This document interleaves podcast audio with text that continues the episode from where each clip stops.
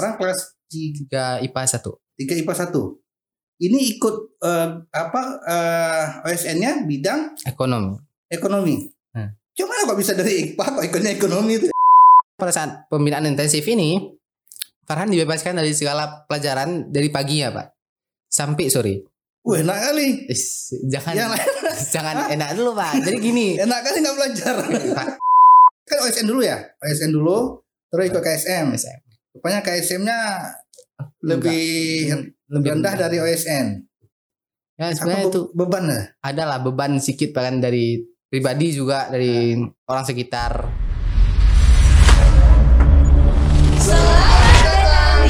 Assalamualaikum Farhan Nur.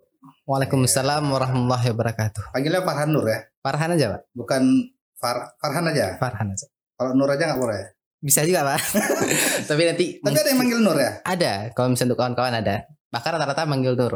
Di rumah panggil Farhan Farhan, atau Abang gitu Pak. si abang ya. Ini anak pertama ya. Anak pertama. Dari berapa saudara? Alhamdulillah baru-baru ini empat bersaudara. Baru baru baru punya adik. Baru punya adik. Semua laki-laki, Ah, dua laki-laki, dua cowok. Eh dua cewek. dua cewek. Oh jadi abang ya. Abang. Anak pertama meraih medali emas eh, OSN Olimpiade Sen Nasional. Nasional. Anak pertama berarti terbantahkan. Ada yang mengatakan anak pertama itu eh, tanda kutip ya rada-rada eh, Lelet eh. lelet. terbantahkan. Saya bangga dengan anak pertama gitu. Baik. Em, memang ya meraih apa eh, emas di OSN. Alhamdulillah ya Pak. Kemarin waktu bulan ini juga Nah. pengumumannya ya alhamdulillah dapat medali emas di OSN bidang ekonomi.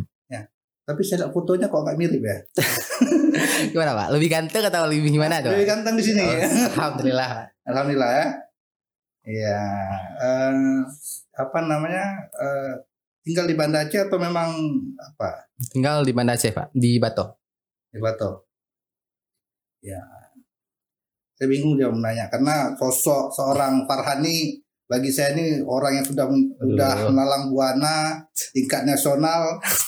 saya jadi grogi saya nih. Enggak Pak, santai aja Pak. Terbalik kata santai sekarang. Terbalik ya. Terbalik. Iya. Farhan lo profil kali ya. Alhamdulillah. Di sekolah sama kawan-kawannya rame gengnya. Hmm, di kelas itu cuma ada lima orang kami Pak laki, jadi ya lumayan lah. Lima orang lagi. Lima orang laki itu dari 30 30 33 siswa itu cuma ada lima laki, selebihnya itu wanita semua. di kelas Farhan. Iya di kelas. Farhan kelas Tiga IPA satu. 3 IPA 1. Ini ikut eh, apa eh, OSN-nya bidang Ekonomi. ekonomi. Hmm. Cuma kok bisa dari IPA kok ikutnya ekonomi itu kayak Nah, ceritanya tuh. Panjang Pak ceritanya. Dulu waktu Gak apa-apa ceritakan aja panjang. Coba ambil waktu kita sampai 30 menit lebih. waktu di pertama waktu di MSN juga ada ikut bidang peminatan olimpiade. Di situ olimpiade yang Farhan pilih waktu bi- bidang biologi. Dan alhamdulillah sampai sekarang Farhan juga masih tetap belajar di bidang biologi itu. Tapi sekarang lebih fokus di bidang ekonomi. Kenapa? Jadi waktu pertama kali masuk MAN, di situ kami ada kayak pilihan di situ. Untuk kelas 1. Waktu kelas 1. Waktu kelas 1 MAN di situ kami kayak disuruh pilih kelas sore. Kan Farhan alhamdulillah masuknya kelas olimpiade, ya. Jadi di kelas olimpiade itu untuk Kelas, pagi kelas, bentar, kelas kelas olimpiade. kelas olimpiade. Oh di, di Man satu ada Ada. kelas olimpiade. ada program dari kepala madrasah itu namanya kelas olimpiade. Di kelas olimpiade ini kami dituntut untuk ya bisa berprestasi di bidang olimpiade lah. Nah, prestasi-prestasi ini kan tentu nggak bisa didapat semata-mata dengan ya belajar doang sendiri kan nggak kan. Ya. Jadi fasilitasi oleh sekolah itu setiap hari Senin, Selasa, Rabu untuk di sorenya, sesi sore kami ada bimbingan gitu, Pak. Nah, untuk milih kelas bimbingan ini Farhan waktu itu bingung antara milih biologi yang udah emang dari MSN ataupun milih coba bidang baru. Di situ adalah guru, salah satu guru Farhan untuk meyakinkan lah istilahnya, meyakinkan Farhan untuk pilih bidang ekonomi. Yang pada saat itu emang lagi kekurangan orang. Kurang orang di ekonomi. Ya, betul. Oh dulu di, di- di- ini di apa diberikan uh, pilihan. diberikan pilihan. Akan pilih mau apa biologi lanjutkan atau, Atau, ini. Nah, jadi Kenapa waktu ekonomi? ekonomi waktu itu Farhan merasa lebih tertantang soalnya kan pelajaran baru dan lebih banyak mm, masukan-masukan kayak masukan dari pelajaran lainnya. Kalau misalnya di biologi kan kita mungkin akan lebih fokus kepada makhluk hidupnya. Kalau misalnya di ekonomi nanti kita belajar masalah perilaku, masalah matematika juga ada di situ nanti Pak. Masalah sosiologinya juga lebih ini ya lebih, lebih kompleks, kompleks. ya.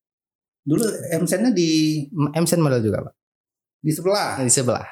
SD di sebelah juga. SD di sebelah juga. Berarti cuma nyebrang nyebrang pagar ya. Itu kan kayak ibaratnya rumah di sekolah adalah rumah kedua. Jadi ngapain pindah rumah jauh-jauh kalau bisa rasa nyaman ya. Mantap, mantap, mantap, mantap. Udah udah gitu aja masa pulang aja ke rumah di situ terus. Jadi Ke rumah malam masih pulang kan? Maram pulang Pak. Nah, berarti rumah kedua tadi. Rumah Jadi kita masuk ke inti nih saya. Yang diujikan di Olimpiade Sains Madrasah eh Sains Nasional. nasional. Itu apa tuh?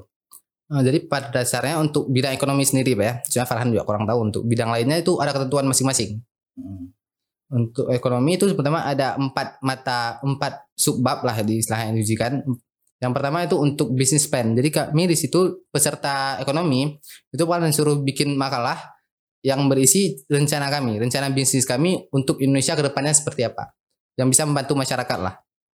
Nah, yang kedua itu waktu hari per- hari pertama itu sebenarnya jadwalnya itu dari jam 8 malam sampai jam 10 malam, Mbak. Malam ujiannya. Malam, Mbak. Hmm. Berapa jam tadi? Dari pagi ya? Jam 8 malam sampai jam 10 malam. Oh gitu. Jadi waktu hari keduanya kan besoknya tidur, besoknya langsung hujan lagi jam 9 sampai jam 11 11.30. Itu hujan tulis di situ, Pak. Jadi kayak di situ ada hmm, sekitar 50 cos sama 5 esai.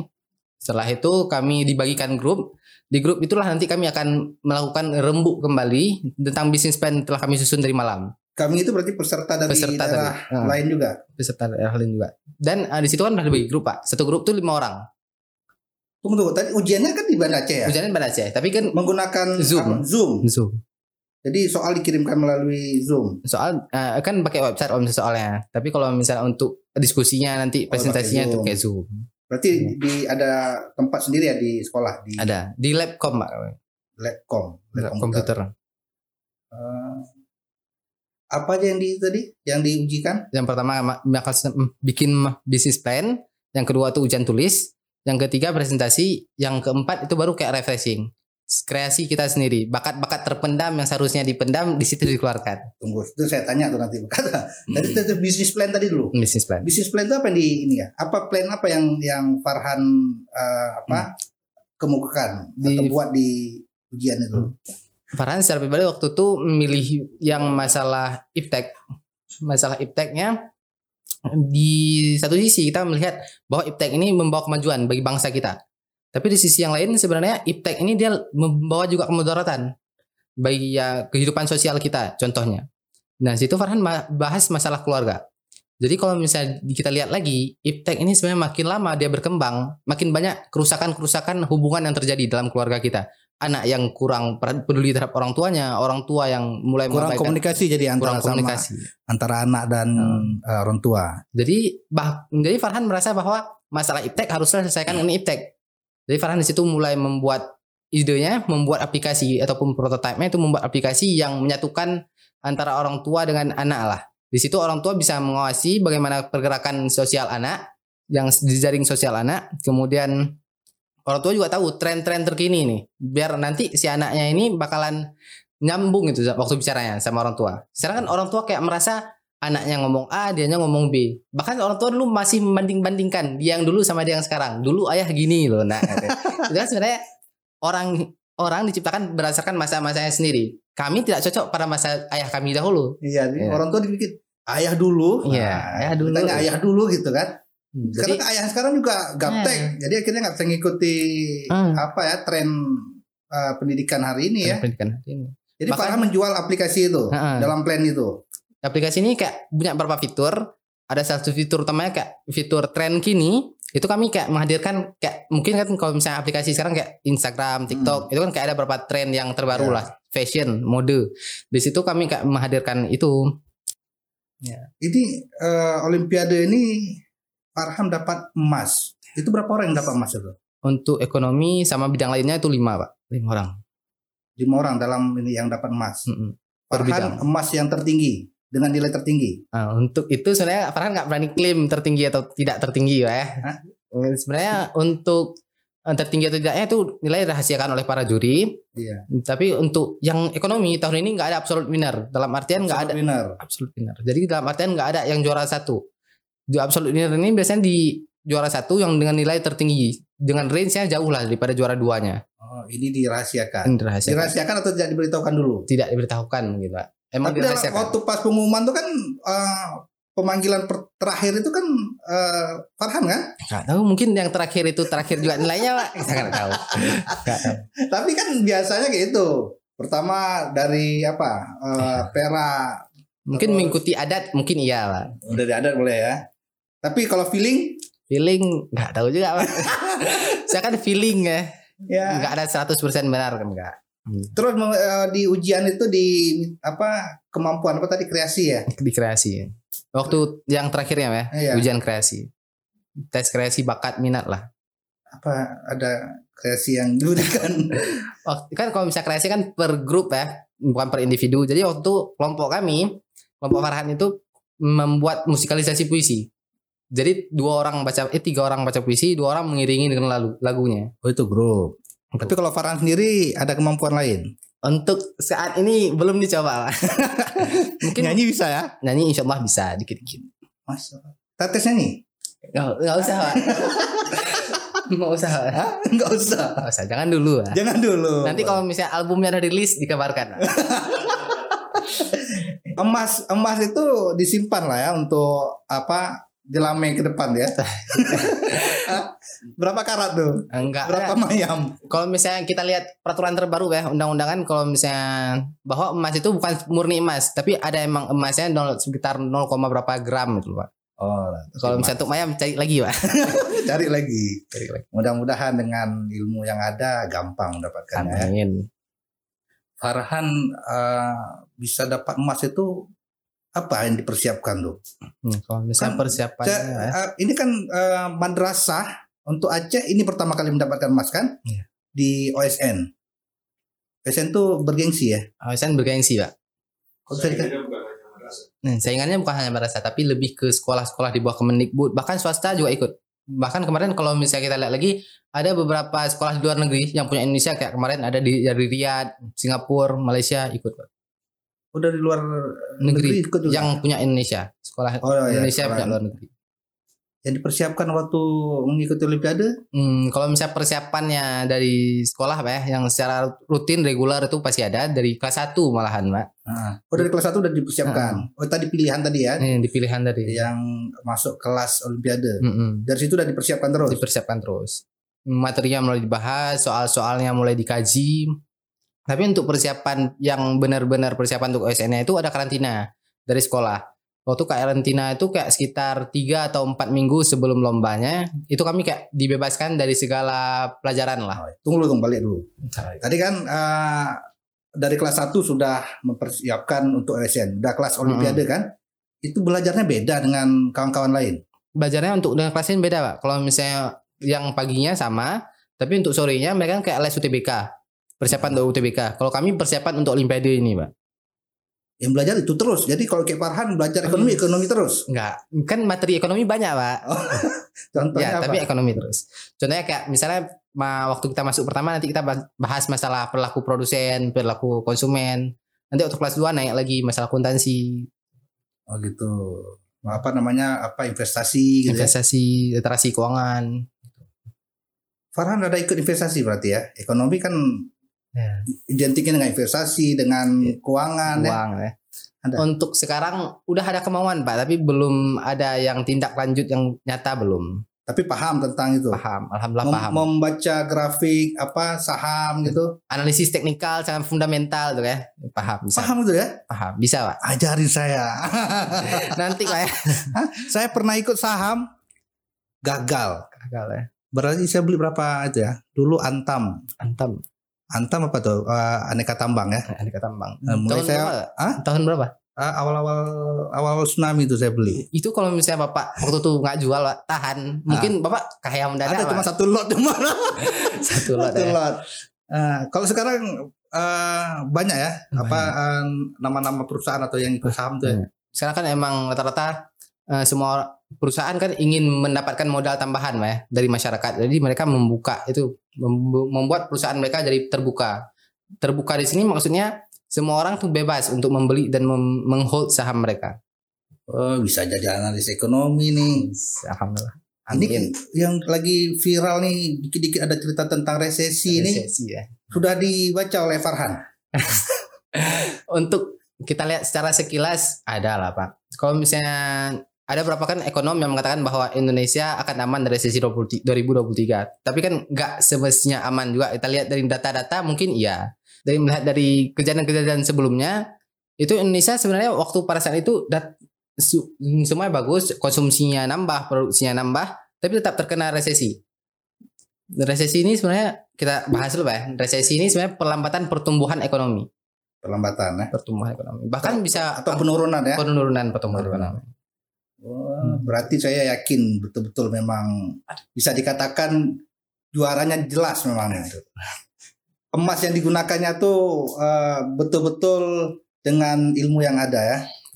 Nah, insya Allah, Insya Allah. Farhan semangatlah terus Farhannya menjadi ekonom Aceh. Amin. Amin ya. Eh, punya ini kawan-kawan di sekolah yang apa tongkrongan tadi itu eh, sama nggak dengan ide-ide Farhan? Apa tuh tanya tuh? agak lanjut pertanyaannya. Gimana tuh? Hah? Kayaknya udah mulai blank ini. Oh, coba ada yang mau kamu nanya. Saya konsep. Ya, minum dulu Farhan. Ya, biar kita ini. yang tadi cerita yang karantina tadi nol Ah, karantina yang menarik karantina Iya. Jadi kan kalau misalnya tadi kan udah kita bahas ya masalah yang eh, pembinaan dari kelas 1. Nah, kalau misalnya untuk sebelum lombanya itu ada pembinaan intensif namanya karantina. Oh iya tadi, tadi kan saya belum tadi, dibahas ya. tadi terputus dengan itu ya. Potong ya. Potong. Memang saya kalau udah lagi kering-kering itu Hmm. takut saya kalau nggak bertanya nanti lupa. Rupanya lupa yang Lupa yang akan tadi. dilanjutkan. Nah, jadi karan Jadi sebelum itu kan tadi persiapan kelas Hmm. 1 itu eh, belajar seperti biasa terus nanti waktu pas mau mengikuti ujian olimpiadanya ada eh, persiapan Intensif. intensif ya. Itu apa yang dilakukan tuh? Oh, kalau misalnya itu kan kalau mis tadi pada saat kelas 1 sampai kelas 2 atau kelas 3 itu kan kami cuman yang Farhan cuman dikasih pembinaannya pada saat sore itu pi Selasa, Senin sama Rabu. Nah, kalau misalnya pada saat pembinaan intensif ini Farhan dibebaskan dari segala pelajaran dari pagi ya, Pak. Sampai sore. Wah, enak kali. Is, jangan Yang lain jangan enak dulu, Pak. Jadi gini, enak kali nggak belajar. Pak, kalau misalnya secara terlihat, ih enak kali, nggak nggak ada PR, nggak ada tugas segala macam, Pak. kan? Oh iya iya iya. iya. Nah, tapi beban kami sebenarnya yang di karantina lebih berat. Lebih berat dari Lebih berat. yang Bahkan kami kadang-kadang kayak bosan gitu kan kayak kita hmm, cuman berminggu-minggu itu cuman bahas soalnya soal ekonomi aja. Nanti bahas rumus itu lagi, ketemu lagi sama soal itu. Nah, itu, Pak. bosan juga ya. Bosan juga, Pak. Secara mental itu cukup menguras lah, Pak.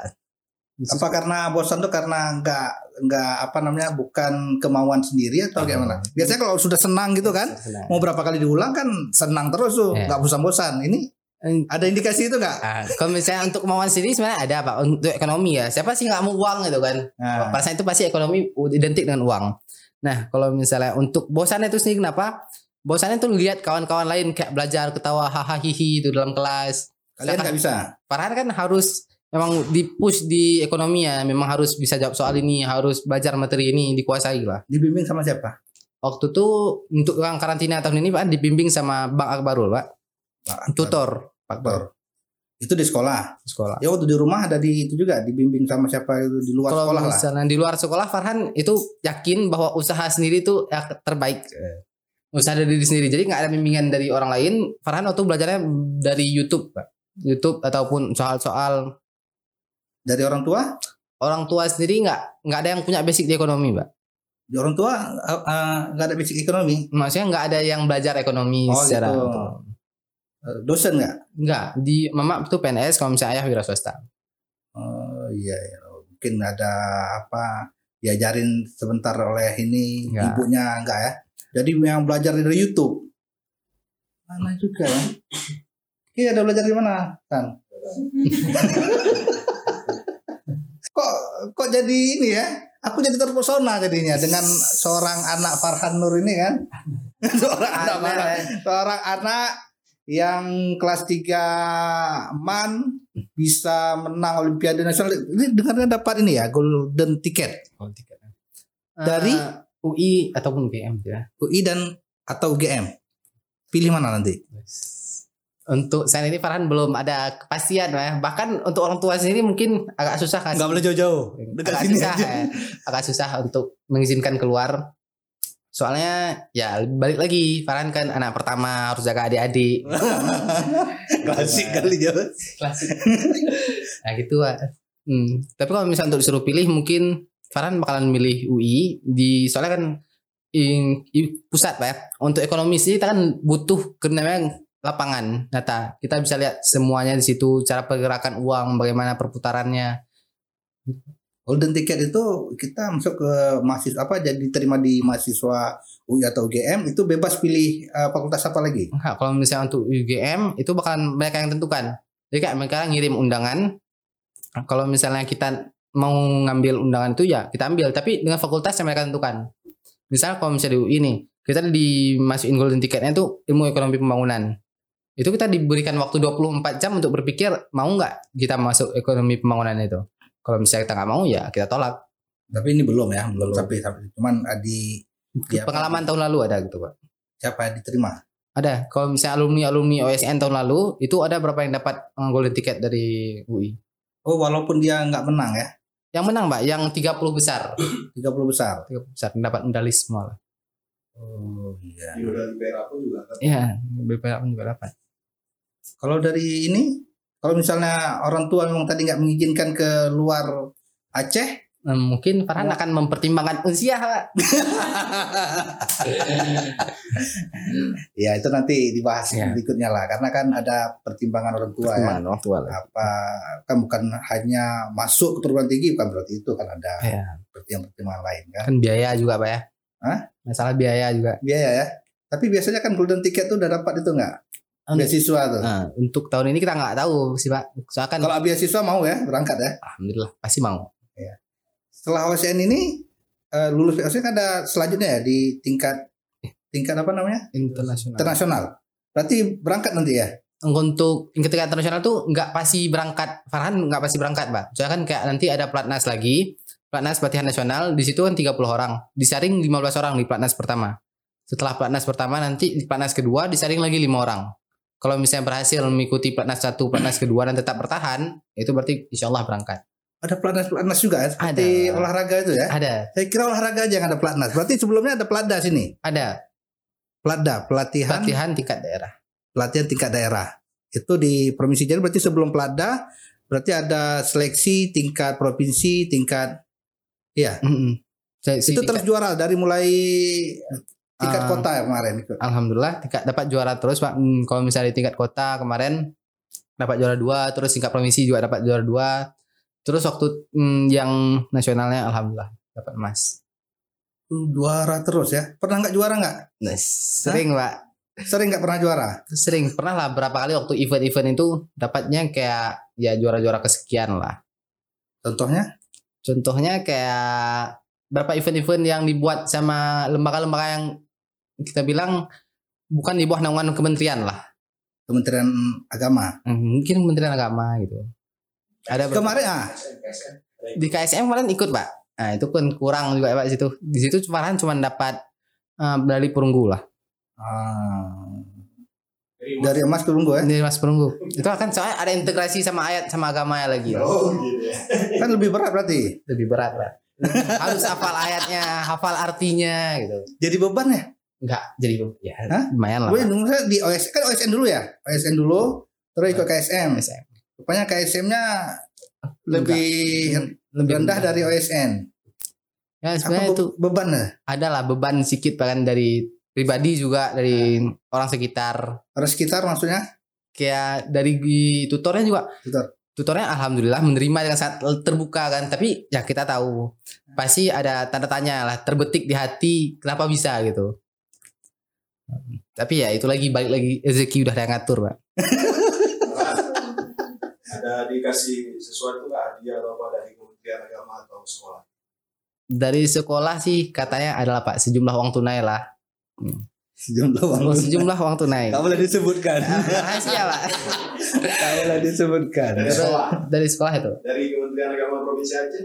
Dari Kementerian Agama waktu itu Belum belum ada. belum ada, belum belum belum belum sampai ya. belum sampai mungkin Pak. Ada. Nanti tinggal kita kita sampaikan ke Pak Kabitnya ya. Ada, jabat selamat. Ucapan selamat jelas ada ya. Ada Saya lihat di balihonya besar tuh. baliho besar. Ada. Itulah Mudah-mudahan dionton podcastnya. Pada Pak Kabit. Ingat-ingat Bang Farhan Nur nih. Eh, pesan-pesan eh, Farhan pada kawan-kawan yang ingin seperti Bang Farhan juga nih. Kalau misalnya dari Farhan sendiri, hmm, pesan yang pertama terus belajar, jangan patah semangat. Kalau misalnya nggak juara tahun ini, masih ada tahun depan. Kalau misalnya udah berhenti di SMA, masih ada kuliah. Teruslah menggapai cita, wujudkan mimpi, dan tetap semangat. Eh, dulu presentasinya pakai bahasa Inggris kan? Iya, Bisa pesannya pakai bahasa Inggris nggak? kalimatnya mungkin agak berhenti. Agak aneh ya, karena nggak tiba-tiba dipertanyakan. Baik, Farhan terima kasih sudah hadir di Haba Kemenang Podcast. Insya Allah nanti lain hari kita akan undang-undang kembali dengan prestasi-prestasi Farhan yang lainnya. Sekian podcast Haba Kemenak hari ini. Insya Allah kita bertemu di episode berikutnya. Assalamualaikum warahmatullahi wabarakatuh.